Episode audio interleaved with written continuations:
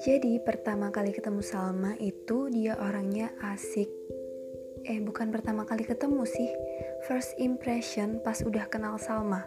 Dia itu orangnya asik, seru, dan kalau kita ngobrol sama dia selalu aja ada materi yang harus kita obrolin. Topiknya itu nggak cuma stuck di satu itu aja, tapi juga ada topik-topik lain yang dia pasti tahu.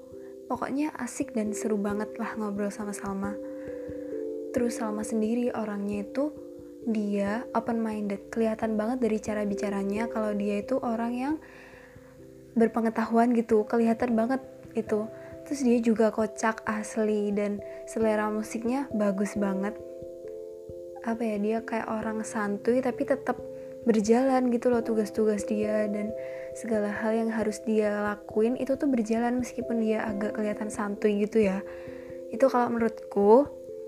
Dan uh, harapanku buat Salma ke depannya nggak tahu ya apa ya mungkin semoga ini doa sih bukan harapan kayak wish gitu semoga dia mm, masuk ke univ yang dia mau dan dia bisa mencapai cita-citanya berbakti sama orang tua punya teman yang banyak dikelilingi orang-orang baik.